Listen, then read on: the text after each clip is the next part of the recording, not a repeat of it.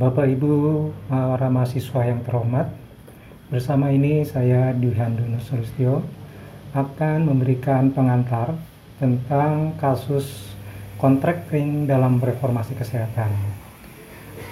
Kuliah ini berkaitan dengan kuliah Profesor Laksono dengan judul Reformasi Sektor Kesehatan apakah ada di Indonesia.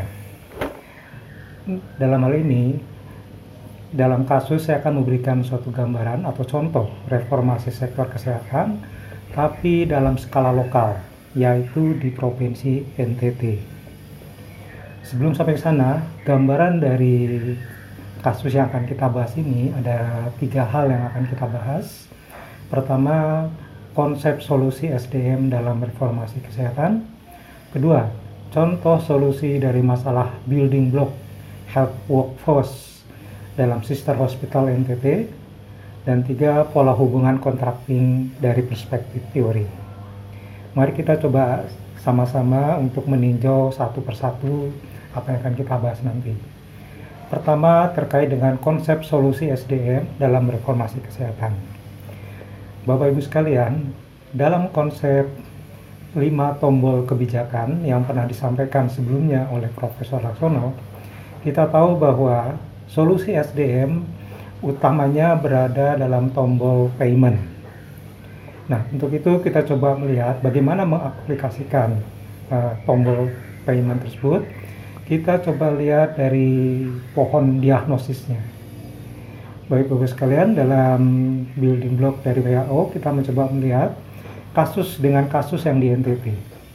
Di NTT kita mencoba melihat outcome yang kita akan tembak adalah masalah tingginya kematian ibu atau angka kematian ibu. Dari penyebab kita coba lihat dari WHO disebutkan adalah masalah akses, cakupan, mutu, dan keamanan.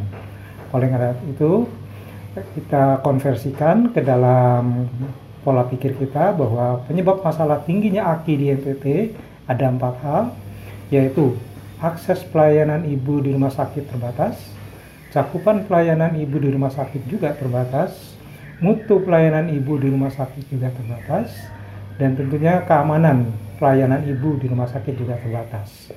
Mengapa demikian? Karena akar masalah yang ada di NTT adalah distribusi tenaga kesehatan tidak merata, utamanya para dokter spesialis yang terkait dengan PONEK. Hmm. PONEK ini adalah dokter spesialis yang dokter objin, dokter kesehatan anak, dan dokter anestesi. Kalau kita melihat hanya di Kupang, yaitu ibu kota provinsi NTT, di mana para dokter spesialisnya lengkap. Sementara di kabupaten hmm, tidak lengkap seperti itu. Berdasarkan masalah itu, kita mencoba melihat dari perspektif reformasi kesehatan, solusi apa yang bisa dilakukan di konteks NTT tersebut.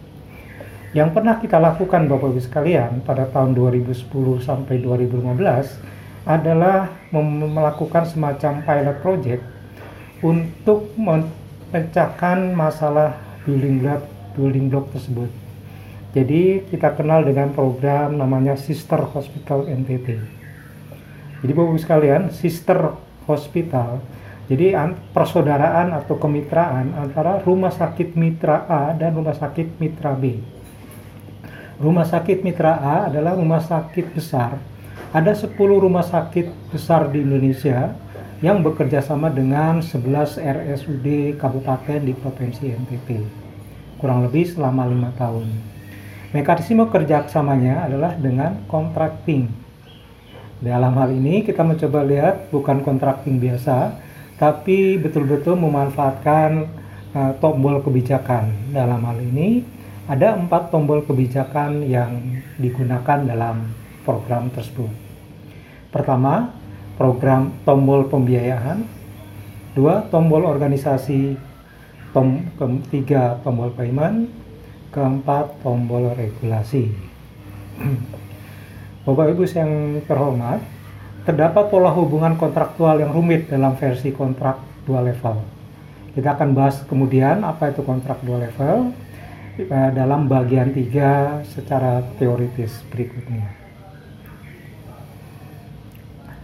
Bapak-Ibu sekalian, kita mencoba melihat bahwa ke, dari pendekatan ketiga kita mencoba melihatnya dari aspek teori bahwa pen, uh, teori kontrak ini berangkat dari teori agency teori yang atau principal agent theory. Dalam bahasan ketiga nanti kita akan coba mendiskusikan bagaimana teori itu diaplikasikan dalam sistem kontrak dalam contracting sister hospital di NTT.